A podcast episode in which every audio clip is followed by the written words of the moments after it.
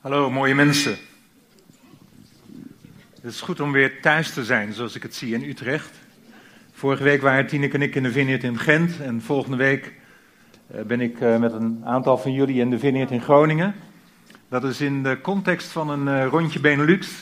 Menno en Marjan Helmers, de nieuwe leiders van Vineyard Benelux, hebben me gevraagd om dit jaar twee rondjes te doen. En ik heb gezegd, vinden jullie het goed dat ik er één doe? En uh, 3 december rond ik die in Amsterdam af. De eerste ronde. Als je het leuk vindt uh, een keer met me mee te gaan, ik neem elke keer mensen mee, dan mag je ook vrij voelen dat bij mij te melden. Ik vind dat leuk om zo'n hele dag met elkaar op te trekken, s ochtends vroeg in de auto, aan het eind van de middag er weer uit in Utrecht. En heel veel gesprekken later. Toen ik vorige week in Gent was, ging het ook nog even over voetbal, omdat België zich wel gekwalificeerd heeft en Nederland niet. En uh, toen merkte ik op, had ik nooit moeten doen, bleek achteraf, dat toch uh, veel Belgische spelers in Nederland zijn getraind. En toen merkte een van de Vlamingen fijntjes op, ja, die van jullie ook. Hoe gaat het met dimensies van discipelschap? Mooie discipelen. Mijn preek vandaag, Bram zei het al, is in die serie. En we zijn bij God ervaren en aanbidden. We zijn nog bezig met de wortels van de boom. En het gaat over het kiezen voor een intieme omgang met God en je openstellen voor een diepere relatie met Hem. Over een eerlijk gesprek met God. Hebben jullie de filmpjes van uh, Lucas en Renske en Marlies uh, gezien? Wie van jullie heeft die al gezien? Als je dat nog niet hebt gedaan, doe het. Zijn erg de moeite waard. Uh, ik heb er erg van genoten. Op dit moment een vraag aan je. Als je jezelf een cijfer zou mogen geven, als het gaat om een eerlijk gesprek hebben met God, welk cijfer zou je jezelf geven? Denk daar even over na. Aan het eind van de preek kom ik erop terug. Over het cijfer dat God jou wil geven. Als het gaat over eerlijke gesprekken met God, heb ik heel veel geleerd van de pennenvruchten van Eugene Peterson. Met name ook wat hij zegt over de psalmen. En wat ik heb gedaan, ik heb het wat vertaald, bewerkt, uh, wat, wat, uh, wat dingen mee gedaan. En ik wil daar graag mee beginnen. De meeste christenen, door alle eeuwen heen, hebben eerlijk leren spreken met God door de psalmen te bidden. De Joden met een aantal eeuwen voorsprong op ons, christenen, als het gaat om bidden en aanbidden, hebben ons verrijkt met dit gebedsboek dat ons een taal geeft die geschikt is om op de God te reageren die tot ons spreekt. We zijn geroepen, naast andere dingen, om elkaar te leren bidden, elkaar te helpen stem te geven aan de hele ervaringswereld van ons mens zijn en om dat zowel eerlijk als met diepgang te leren doen. Dat is minder gemakkelijk dan wij denken. Beginnen is makkelijk genoeg. De aandrang om te bidden zit bij ons diep van binnen, in het centrum van ons bestaan. En dus is er weinig nodig om te beginnen. Help, dank u wel, zijn onze basisgebeden. Maar eerlijkheid en diepgang komen niet vanzelf. Met het vooruitzicht van een eerlijk gesprek met een heilige God die het universum heeft geschapen, is het niet gek dat we het moeilijk vinden. We voelen ons ongemakkelijk en niet op onze plaats en denken al snel: hier ben ik niet goed genoeg voor. Ik zal wachten tot ik er beter voor sta en bewijzen dat ik deug. Of we verontschuldigen onszelf omdat onze woordenschat tekort schiet en zeggen: geef me wat tijd, een paar maanden of jaren om gebeden te oefenen die goed genoeg zijn voor zo'n heilige ontmoeting, dan zal ik me niet zo onhandig en ongemakkelijk voelen. Het beste wat wij dan kunnen doen, is de psalmen in elkaars handen te duwen en te zeggen: ga naar huis, lees ze. Je hebt verkeerde ideeën over gebed. Het bidden dat je in deze psalmen zult vinden, zullen je verkeerde ideeën over gebed verdrijven en je op weg helpen. Wanneer we dit doen, is de kans groot dat we verrast reageren. We verwachten dit soort gebeden helemaal niet in de Bijbel. Hoezo verrast? Dacht je dat onze gebeden de gebeden van aardige mensen zouden zijn? Dacht je dat de taal van de psalmdichters gepolijst en beleefd zou zijn? Wanneer we aan onszelf worden overgelaten, zijn we geneigd te denken dat gebed is wat goede mensen doen wanneer zij op hun best zijn. Dat is niet zo. Wanneer we onervaren zijn, gaan we ervan uit dat er een taal voor ingewijden moet zijn, die we ons eigen moeten maken voordat God ons serieus neemt in ons gebed. Die is er niet. Die taal niet, hè? God wel. Gebed is elementaire taal, geen taal voor gevorderden. Door gebed wordt onze taal eerlijk, echt en persoonlijk in reactie op God. Door gebed openen we alles in onze levens voor God. Maar zelfs met de psalm in onze handen en elkaars aanmoediging kan het gebeuren dat we het nog niet pakken. Waarom? Omdat in de meeste vertalingen de psalmen vaak gladjes en gepolijst zijn, diep klinkend met deftige, formele, hoogdravende ritmes en voordracht. Als literatuur zijn ze zonder weerga, maar als gebed, als de uitingen van mannen en vrouwen die gepassioneerd voor God komen in momenten van boosheid en aanbidding en klaagzang, missen deze vertalingen iets. Grammaticaal zijn ze accuraat. Het wetenschappelijk gehalte dat de vertaling ondersteunt is onovertroffen en vroom. Maar als gebeden zijn ze dat juist niet. De psalmen in het Hebreeuws zijn aards, eerlijk en rauw. Ze zijn niet aardig. Ze zijn niet de gebeden van aardige mensen uitgedrukt in gecultiveerde taal. Dus, wanneer wij de psalmen bidden, is het het beste de psalmen met je eigen woorden weer te geven, in de taal die het dichtst bij je staat. Die toevallig ook de taal is waarin deze psalmgebeden ooit werden geuit en geschreven door David en zijn opvolgers. Alleen als we rauwe eerlijkheid, gedetailleerde diepte in ons bidden ontwikkelen, worden wij heel. De echte mensen in Jezus Christus, die ook de psalmen bad. Tot zover deze inspiratie van Eugene Peterson. In jullie materiaal voor deze week, voor de huisgroepen, Dimensies voor Discipelschap, vind je een hoofdstuk uit de Bijbel, Matthäus 27, ook Jezaja 6. Maar Matthäus 27 kun je zien als een eerlijk gesprek van Jezus met God aan het kruis. Jezus kende de psalmen. Jezus bad de psalmen. We zijn in goed gezelschap. Hij bad Psalm 22 aan het kruis. Psalm 22 is een eerlijk gesprek, eeuwen daarvoor, van David met God. En wanneer je Psalm 22 en Matthäus 27 naast elkaar legt, is het alsof David in zijn eigen lijden een profetisch perspectief had van Jezus aan het kruis. Meer nog, alsof hij er zelf bij was. Ooggetuige.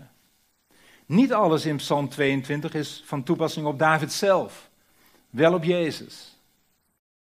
Psalm 22 is wat wij noemen een klaaglied, net als Psalm 42, van waaruit ik sprak op 24 september. 60 van de 150 psalmen zijn klaagliederen.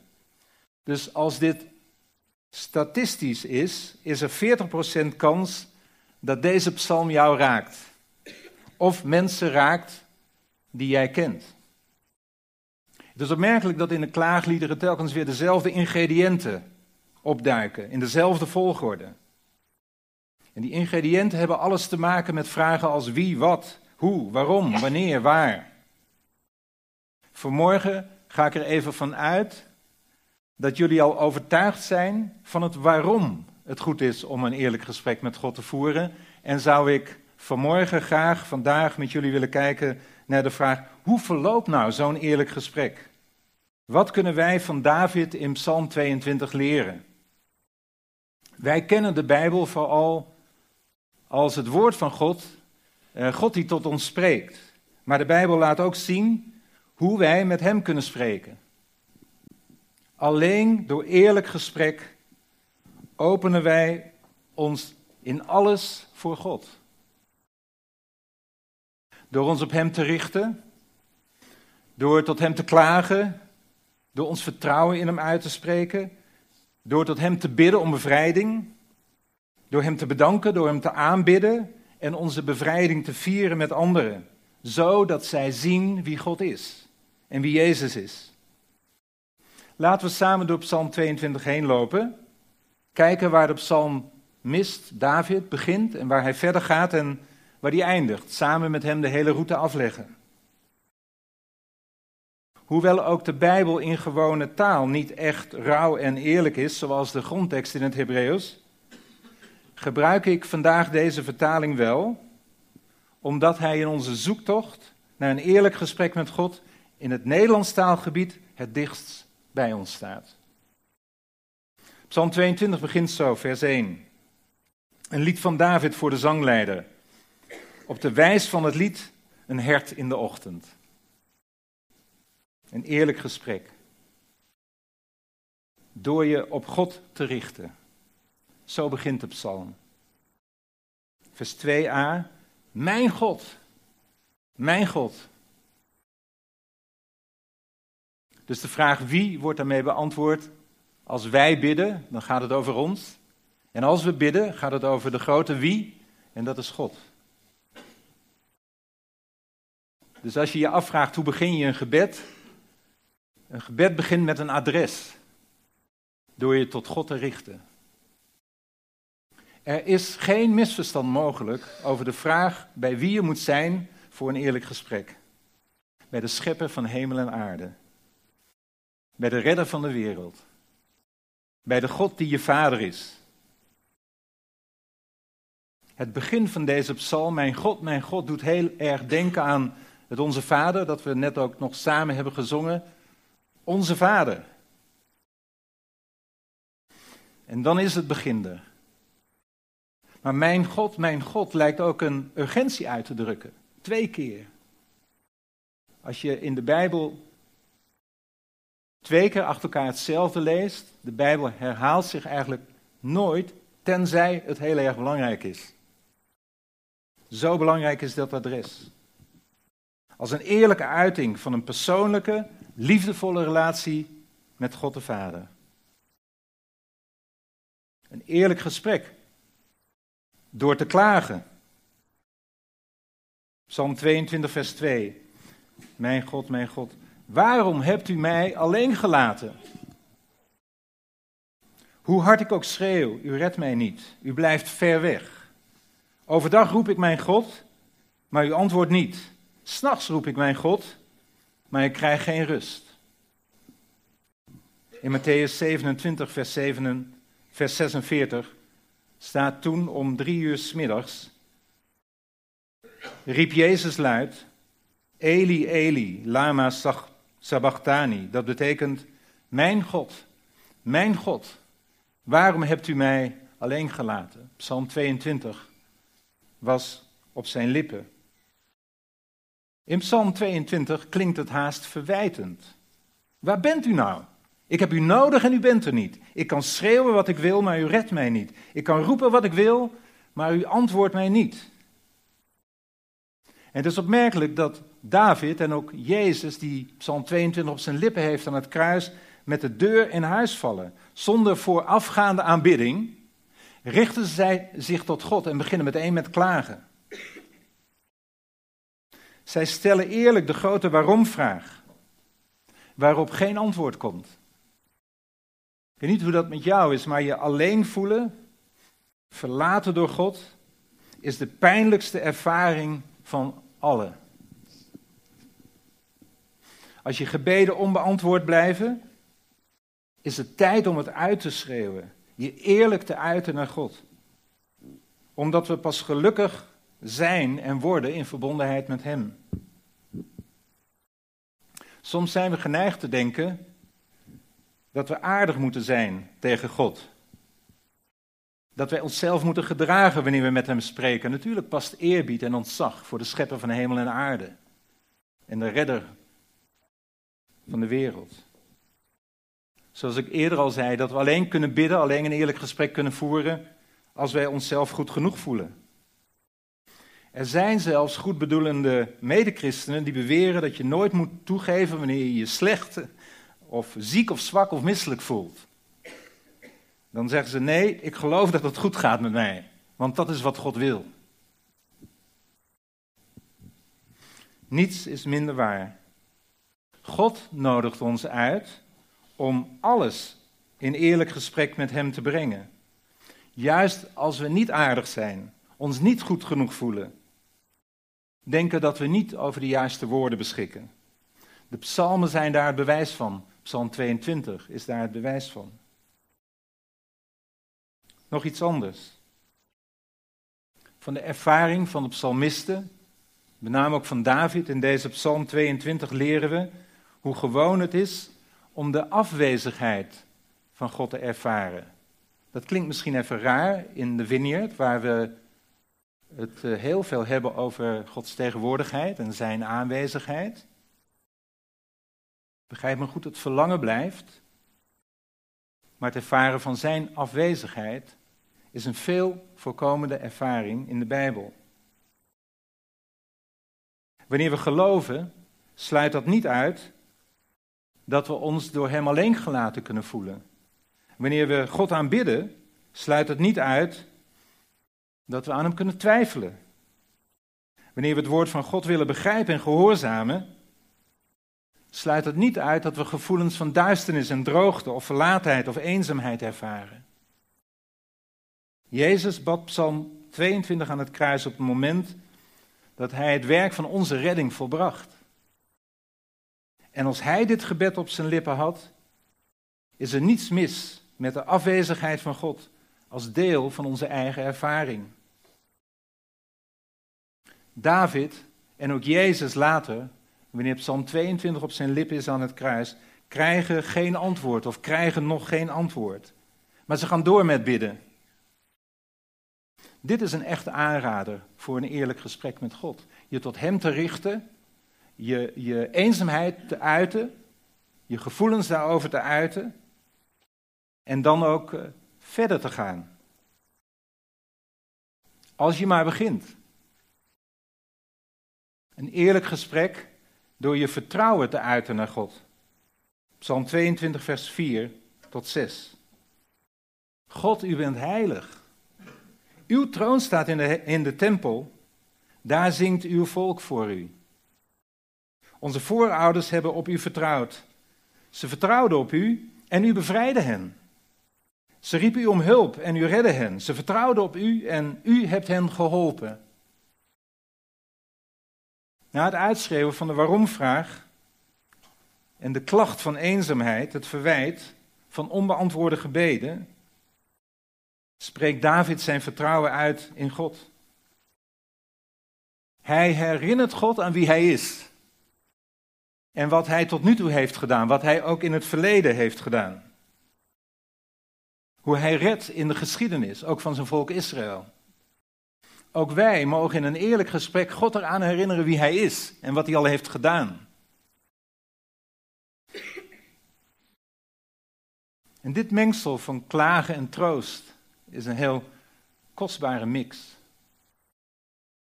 En als je dan denkt dat het daar gedaan is, dan is er een tweede klacht op weg. Het vertrouwen in God vernieuwt eigenlijk de klacht. En dan komt de tweede klacht. Een eerlijk gesprek door te klagen bij God. Opnieuw klagen. Vers 7 tot 9 van Psalm 22. Ik ben minder waard dan een mens. Ik ben niet meer waard dan een worm. Iedereen beledigt mij, niemand heeft respect voor mij. Mensen die mij zien lachen me uit. Ze schudden spottend hun hoofd. Ze zeggen: Vertrouw op de Heer. Bij Hem ben je toch veilig? Hij zal je wel redden. Hij is toch je vriend? In Matthäus 27, vanaf vers 39, vinden we dat zo terug. Jezus aan het kruis. De mensen die voorbij kwamen lachten Jezus uit. Ze schudden spottend hun hoofd en riepen: Daar hangt de man die de tempel wilde afbreken. En die binnen drie dagen een nieuwe wilde bouwen. Red jezelf. Als je de zoon van God bent, kom dan van dat kruis af. De priesters, de wetsleraar en de leiders van het volk bespotten Jezus op dezelfde manier. Ze zeiden: Andere mensen heeft hij gered, maar zichzelf redden, dat kan hij niet. Hij is toch de koning van Israël? Dan moet hij maar eens van het kruis afkomen. Dan zullen we in hem geloven. Hij vertrouwde toch op God? Hij zei zelfs dat hij Gods zoon was. Als God echt van hem houdt, moet hij hem maar redden. Ook de twee misdadigers die naast Jezus aan een kruis hingen, begonnen hem uit te schelden. Je minder waardig voelen, beledigd worden, uitgelachen worden. In de psalm staat zelfs, iedereen beledigt mij. Niemand heeft respect voor mij. Terwijl je net je vertrouwen in God hebt uitgesproken. Het is het moment waarop anderen hun mond naar jou open doen. En wat doen David en Jezus? Zij reageren niet op de belediging.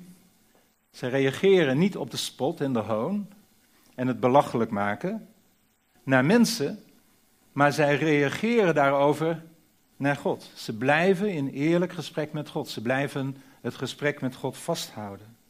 Ze blijven zich op Hem richten over wat zij doormaken, over wat ze voelen. Kijk, de eerste eerlijke klacht van David in Psalm 22 was eigenlijk, waar bent u God? Waarom bent u er niet? De tweede gaat over de belediging door anderen, die zeggen, waar is jouw God? Dus het één ding om tegen God te zeggen, waar bent u nou eigenlijk? Het is iets anders als anderen tegen jou zeggen, hé, hey, je gelooft toch, hè? waar is nou die God van jou? Juist wanneer je je waardeloos voelt. Let op, de beledigingen waren gericht tegen wie Jezus was. Uh, tegen zijn identiteit. Wie hij echt was. Immers, de mensen zeiden, hij heeft immers gezegd, ik ben de zoon van God. Hij heeft zijn vertrouwen in God gesteld. Had hij net geuit. Zo kan dat ook bij ons gaan. Dat de, de pijnlijkste beledigingen en vernederingen en het uitgelachen worden te maken met wie we echt zijn. Als het erover gaat dat anderen zich uit op manieren. Je, je zei toch dat je christen was, hè? Jij was toch degene die zei dat je geloofde? Jij hebt toch je vertrouwen in God gesteld? En dat kan gebeuren, dat, dat anderen de spot met ons drijven, ons beledigen, ons uitlachen. Soms gebeurt het mij uh, uh, van, uh, vanwege mijn eigen stommiteiten. Maar soms gaat het dieper. En kan het je persoonlijk raken. Thuis of op je werk, in je familie, in je buurt. Of in de media. Nog niet zo lang geleden, ik lees het dagblad Trouw, zoals jullie weten, als je me kent. De columnist eh, Evi Menko in het dagblad Trouw. Voor zover ik weet zelf geen christen. Hoewel hij misschien soms gelooft zonder het zelf te weten. Heeft een hele scherpe pen. Schrijft hele scherpe columns. Maar hij had zich in een van zijn columns heel positief uitgelaten over een volle kerk. Ergens in Overijssel. En in ingezonden brieven kreeg hij het om zijn oren. Hij werd gewoon weggehoond. Omdat hij een volle kerk mooi vond. En zo gebeurt het meer in de media. Ik, ik zie geen vijand in de media, hè, zoals anderen soms doen. Maar het gebeurt. Maar wat zie je hier? Ook deze tweede eerlijke klacht van David wordt gevolgd door een tweede eerlijke uiting van vertrouwen. Een eerlijk gesprek door je vertrouwen in God opnieuw te uiten. Vers 10 van Psalm 22. U haalde mij uit de buik van mijn moeder. U liet me drinken aan haar borst. Toen ik geboren werd, vingen uw handen mij op. Al voor mijn geboorte was u mijn God. Wat doet David? Hij en ook Jezus. Ze reageren niet op deze aanslag op hun identiteit door zich te verdedigen en anderen aan te vallen, maar door zich te richten tot God en hun identiteit te bevestigen. U bent bij mijn geboorte geweest. U stond aan mijn wieg. Al voor mijn geboorte trouwens was u al mijn God. U bent mijn God. Dat is een, diepe les voor ons in het eerlijk gesprek met God. Als wij ons minder waardig voelen, hè, zouden we de neiging kunnen hebben om niet te bidden. En God nodigt ons juist uit om ons te uiten wanneer we ons zo voelen. Of wanneer anderen je beledigen of je belachelijk maken. Laten we dan niet op hen reageren, maar laten we naar God gaan en leren van David en Jezus en ons naar Hem toe uiten.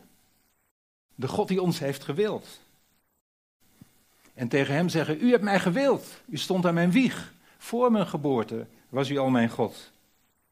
Ik vind dat zo prachtig verwoord uh, in dat mooie lied, You're a good, good father. That's who you are. That's who you are. And I'm loved by you. That's who I am. That's who I am. En vanuit dat vernieuwde vertrouwen riepen David en Jezus opnieuw eerlijk tot God. David uit in vers 12. Laat me dan nu niet alleen. Hij komt weer terug op die eerste klacht. Want ik ben in nood. Er is niemand die me helpt. Ook deze tweede eerlijke uiting van vertrouwen wordt vernieuwd door een derde eerlijke klacht. Vers 13. Mijn vijanden zijn overal om me heen. Het lijken wel wilde stieren. Het lijken wel brullende leeuwen. Norman had hier prachtige plaatjes bij kunnen vinden. Die me willen grijpen en doden. Ik voel me als water dat wegstroomt. Mijn lichaam valt uit elkaar. Mijn hart klopt haast niet meer. Mijn kracht is weg.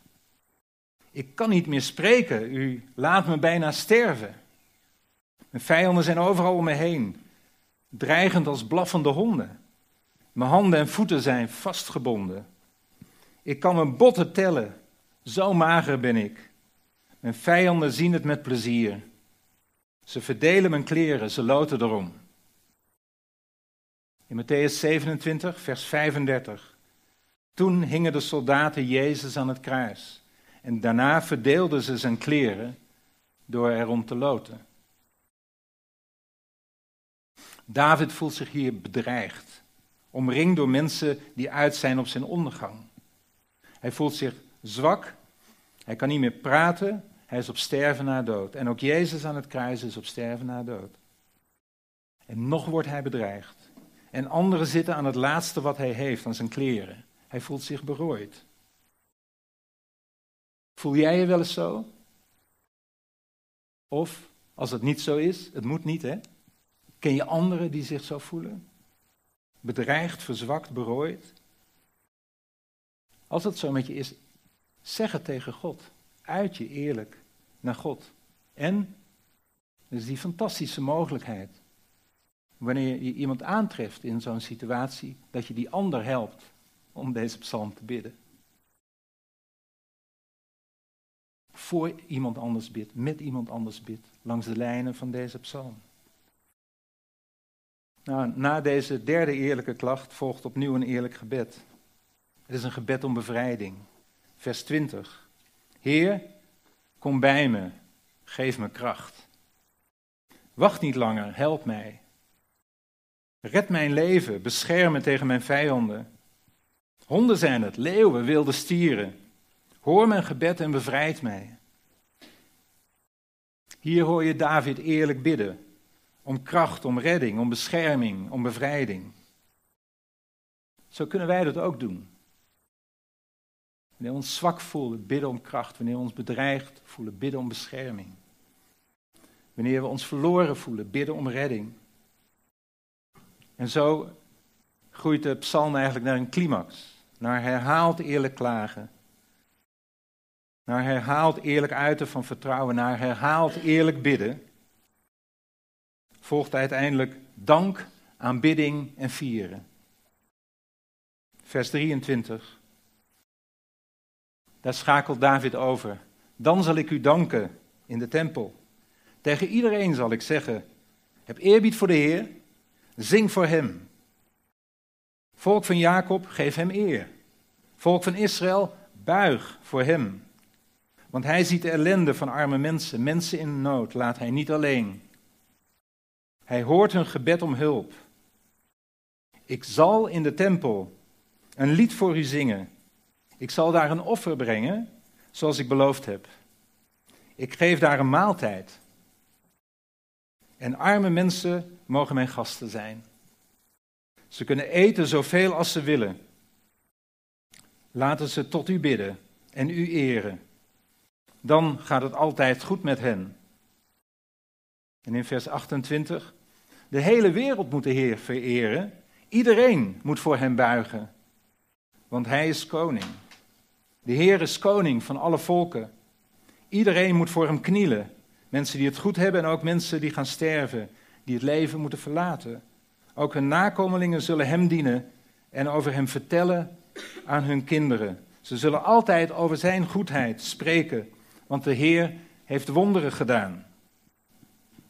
Zie je wat er gebeurt? Dat dit eerlijke gesprek, dat begint met zich tot God te richten en te klagen en herhaalt te klagen en je vertrouwen uit te spreken, herhaalt je vertrouwen uit te spreken, te bidden en herhaalt te bidden. Uiteindelijk zul je niet anders kunnen dan hem aanbidden. Dat hoeft misschien niet allemaal in één dag of in één gebed. Maar dit is uh, wat wel genoemd wordt de messiaanse rode draad in de Bijbel. Dat uiteindelijk heerlijkheid gaat opwegen tegen lijden. Je kunt uh, in de weegschaal liggen en de weegschaal slaat door in de richting van heerlijkheid. Het leidt ook tot het andere vertellen wie God is en wie Jezus is. Het andere uitnodigen, zeg maar ook voor het avondmaal, de maaltijd, waar de psalmist over spreekt. Zodat ook anderen Jezus zullen erkennen als koning. Het doet ons heel sterk denken aan het slot eh, van het Onze Vader. Want van u is het koninkrijk en van u is de kracht en van u is de heerlijkheid tot een eeuwigheid. Psalm 22 is verstrekkend. Het leidt tot veel meer dan wij kunnen dromen of bedenken. Het is opmerkelijk dat uh, eh, 18 van de in totaal 32 versen, als ik uh, mijn wiskunde goed doe, is dat meer dan de helft van deze psalm over dank en aanbidding gaat. En, en je merkt dat het ontstaat in het eerlijke gesprek, niet geforceerd. Van, oh ja, nu moet ik ook nog even aanbidden. David en Jezus zijn met de deur in huis gevallen. En het loopt uit op aanbidding. Wat een slot. En als je het slot van Matthäus 27 leest, dat is ook een heel bijzonder slot. De dood van Jezus aan het kruis, gevolgd door heel bijzondere dingen. Matthäus 27, vers 51. Op hetzelfde moment, toen Jezus stierf, gebeurde er iets in de tempel. Het gordijn voor het heilige scheurde door midden, van boven naar beneden. De grond begon te schudden. En de rotsen scheurden door midden. De graven van de doden gingen open. Veel heilige mensen die gestorven waren, stonden op uit de dood. En na de opstanding van Jezus gingen ze naar de heilige stad, Jeruzalem. Daar werden ze door veel mensen gezien. De Romeinse officieren en de soldaten die Jezus bewaakten, voelden de grond schudden. Ze merkten wat er allemaal gebeurde. Ze werden erg bang en zeiden: geen twijfel mogelijk. Hij was de zoon van God. Kijk, het nieuws over de dood en de opstanding van Jezus is natuurlijk het allergrootste nieuws ooit. En wat brengt dat wat teweeg? Psalm 22 laat de Heilige Geest aan het werk zien. In Jezus, voluit. Van lijden tot heerlijkheid. En nog een keer. Deze eerlijke gebeden hebben gevolgen. Verbondenheid met anderen die Jezus volgen, door samen te aanbidden, zoals wij ook hier op zondag doen. En anderen die God nog niet kennen, zullen proeven wie God is en wie Jezus is. Niet door succesverhalen te vertellen, maar juist omdat ze zien dat wij eerlijk zijn in onze omgang met God. Dat we ook eerlijk zijn in onze gebeden, eerlijk in gesprek met God. Juist wanneer we ons verlaten voelen, of niet gehoord door God, of beledigd of belachelijk gemaakt door anderen. Zien zij wie we zijn, hoe we ermee omgaan. Dat we proberen ons dwars door alles heen te richten op God, op Jezus Christus. En zo zijn we ook in de misère in het klagen een teken van hoop voor de mensen om ons heen. En kunnen ze ons een vriend zien om uh, samen door ellende te gaan en te ontdekken wie Jezus is. Laten we samenvatten. Alleen door eerlijk gesprek openen wij alles in ons leven voor God. Door je eerlijk op God te richten. Door eerlijk bij Hem te klagen wanneer je je alleen voelt. Verlaten door Hem. Wanneer je wordt beledigd, uitgelachen door anderen. Wanneer je je minderwaardig voelt. Wanneer je bedreigd voelt of berooid. Door eerlijk te vertrouwen en dat vertrouwen in Hem uit te spreken. Hem eraan te herinneren wie Hij is en wat Hij heeft gedaan. Door eerlijk te bidden om bevrijding. Door Hem eerlijk te bedanken voor bevrijding. Door Hem te aanbidden samen met anderen. Door Zijn bevrijding te vieren met anderen. Zo dat zij zullen ontdekken wie Jezus is. En dat Zijn koninkrijk komt. Nou, hoe kunnen we dit toepassen in ons leven? De eerste plaats, bid tot God. Spreek eerlijk met Hem, hoe je je ook voelt, over alles. Altijd en overal. Begin te bidden. In de tweede plaats, bid de psalmen. Leer van David en Jezus. Jezus kende de psalmen ook. Ze waren vaak op zijn lippen. En dan bid de psalmen zelf en bid de psalmen voor anderen en met anderen. Anderen met wie jij samen Jezus volgt, of anderen die Jezus nog niet kennen. Aan het begin vroeg ik uh, welk cijfer je zou geven als het gaat om een eerlijk gesprek met God. Ik weet niet welk cijfer je hebt gegeven. Um, het goede nieuws is dat God geeft je bij voorbaat een 10. En begin. Hij geeft je eerst een 10 en dan begin je. Niet om dat cijfer waar te maken, maar door te beginnen. Elke keer dat je begint met een eerlijk gesprek, geeft hij je een 10. Amen. Zullen we gaan staan? Wat ik nu voorstel is om samen Psalm 22 te bidden. Laat het maar gelijk doen. Het kan soms wat vreemd overkomen, omdat je je niet precies zo voelt als in die psalm. Voel je ook vrij om aan anderen te denken van wie je weet dat ze zich zo voelen. Uh, laten we die psalm samen bidden en ik hoop dat hij naklinkt uh, na vanochtend.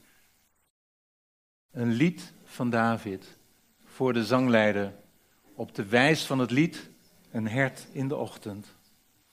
Mijn God, mijn God, waarom hebt u mij alleen gelaten? Hoe hard ik ook schreeuw, u redt mij niet, u blijft ver weg. Overdag roep ik, mijn God, maar u antwoordt niet. S'nachts roep ik, mijn God, maar ik krijg geen rust. God, u bent heilig, uw troon staat in de tempel. Daar zingt uw volk voor u. Onze voorouders hebben op u vertrouwd. Ze vertrouwden op u en u bevrijdde hen. Ze riepen u om hulp en u redde hen. Ze vertrouwden op u en u hebt hen geholpen. Ik ben minder waard dan een mens. Ik ben niet meer dan een worm. Iedereen beledigt mij. Niemand heeft respect voor mij. Mensen die me zien lachen me uit. Ze schudden spottend hun hoofd. Ze zeggen: Vertrouw op de Heer. Bij Hem ben je toch veilig? Hij zal je wel redden. Hij is toch je vriend? U haalde me uit de buik van mijn moeder. U liet me drinken aan haar borst. Toen ik geboren werd, vingen uw handen mij op. Al voor mijn geboorte was u mijn God. Laat me dan nu niet alleen, want ik ben in nood. Er is niemand die mij helpt. Mijn vijanden zijn overal om mij heen. Het lijken wel wilde stieren. Het lijken wel brullende leeuwen die me willen grijpen en doden. Ik voel me als water dat wegstroomt. Mijn lichaam valt uit elkaar. Mijn hart klopt haast niet meer. Mijn kracht is weg. Ik kan niet meer spreken. U laat me bijna sterven. Mijn vijanden zijn overal om me heen, dreigend als blaffende honden. Mijn handen en voeten zijn vastgebonden. Ik kan mijn botten tellen. Zo mager ben ik. Mijn vijanden zien het met plezier. Ze verdelen mijn kleren. Ze loten erom. Heer, kom bij me. Geef me kracht. Wacht niet langer. Help mij. Red mijn leven. Bescherm me tegen mijn vijanden. Honden zijn het. Leeuwen. Wilde stieren. Hoor mijn gebed en bevrijd mij. Dan zal ik u danken in de tempel. Tegen iedereen zal ik zeggen: heb eerbied voor de Heer en zing voor Hem. Volk van Jacob, geef Hem eer. Volk van Israël, buig voor Hem. Want Hij ziet de ellende van arme mensen. Mensen in nood laat Hij niet alleen. Hij hoort hun gebed om hulp. Ik zal in de tempel een lied voor u zingen. Ik zal daar een offer brengen zoals ik beloofd heb. Ik geef daar een maaltijd en arme mensen mogen mijn gasten zijn. Ze kunnen eten zoveel als ze willen. Laten ze tot u bidden en u eren. Dan gaat het altijd goed met hen. De hele wereld moet de Heer vereren. Iedereen moet voor hem buigen, want hij is koning. De Heer is koning van alle volken. Iedereen moet voor hem knielen. Mensen die het goed hebben en ook mensen die gaan sterven, die het leven moeten verlaten. Ook hun nakomelingen zullen hem dienen en over hem vertellen aan hun kinderen. Ze zullen altijd over zijn goedheid spreken, want de Heer heeft wonderen gedaan. Kom, Heilige Geest.